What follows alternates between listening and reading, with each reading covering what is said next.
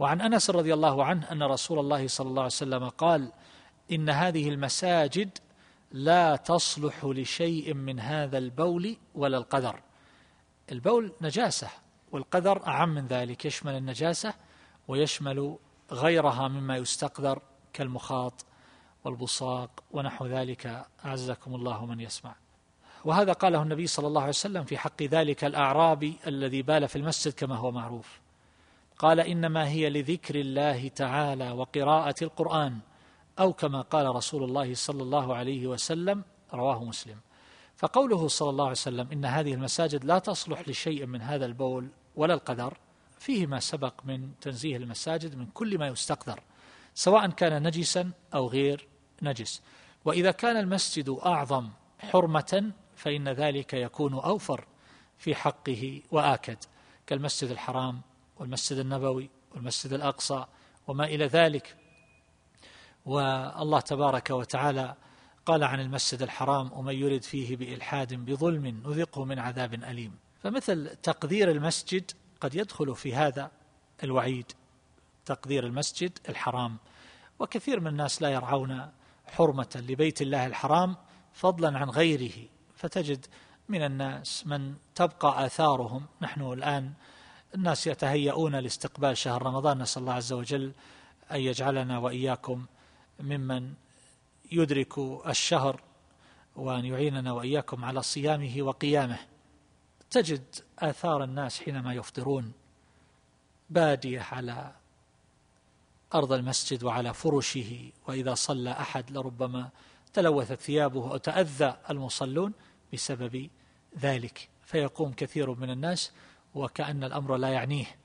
وترى المياه لربما تكون على الفرش ونحو هذا. بل رأيت في سطح الحرم أعزكم الله من يتبول. رأيت ذلك بنفسي يتبول في سطح الحرم. فلما كلمته قلت اتق الله نظر إلي وكأنه لا يفهم ثم انصرف. في سطح الحرم في سطح الحرم. هذا عظيم هذا شديد.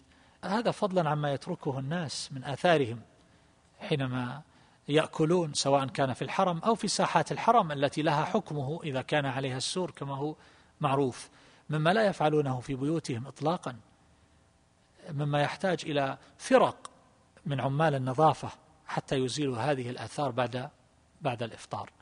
لو كان الإنسان يستشعر حرمة المكان الذي هو فيه لما حصل ذلك وقل مثل ذلك في من يأتي بأطفال صغار لا يميزون ثم بعد ذلك يتبول الواحد منهم أعزكم الله من يسمع في المسجد ثم يكتشف بعد ذلك وأبوه لا يتكلم ولا يخبر وهو يعلم بحاله ويراه يذهب ويجيء ويمشي في المسجد والبول يخرخر والناس يطؤون عليه وينتشر في نواحي المسجد وأبوه لا يحرك ساكنا لا يحرك ساكنا ولربما جاء به للاعتكاف. وينام هذا الطفل الصغير الذي لا يفقه. ثم أعزكم الله من يسمع يتبول. ثم يذهب به أبوه ويكتشف أن هذا المكان تبول فيه هذا الولد والأب لا يتكلم. وبعض النساء تقول حينما نصلي نسجد نجد رائحة البول في فرش المسجد. أين هذا من هذه النصوص في تطهير المساجد وتنزيهها من النجاسات والأقذار؟ فنحن نسمع أحيانا مثل هذه الأشياء ونظن أننا بمنأى. عن ذلك. من الذي يبصق في المسجد ومن الذي لا لا. يوجد ويوجد ويوجد. هذه الفرش أول ما وضعت حينما كانت جديدة. بكل بساطة يأتي أحد العمال ورجليه مليئة بالقار. ويمشي وتجد آثار خطاه بالقار من المدخل من هناك إلى حيث صلى. ويحتاج إلى تتبع وتنظيف بمنظفات مختلفة والتنر وما إلى ذلك. هل هذا يستطيع أن يمشي في بيته بهذه الطريقة ما يتقي الله ولا يخافه؟ يدخل رجليه مليانة بالقار والفرش جديد ما له ما له ثلاثة أسابيع.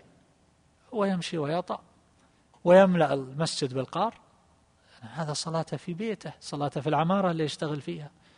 أما أن يأتي ويلوث المسجد بهذه الطريقة فهذه الله المستعان. هذا وصلى الله أن ينفعنا وإياكم ما سمعنا. جعلنا وإياكم هداة مهتدين. صلى الله عليه وسلم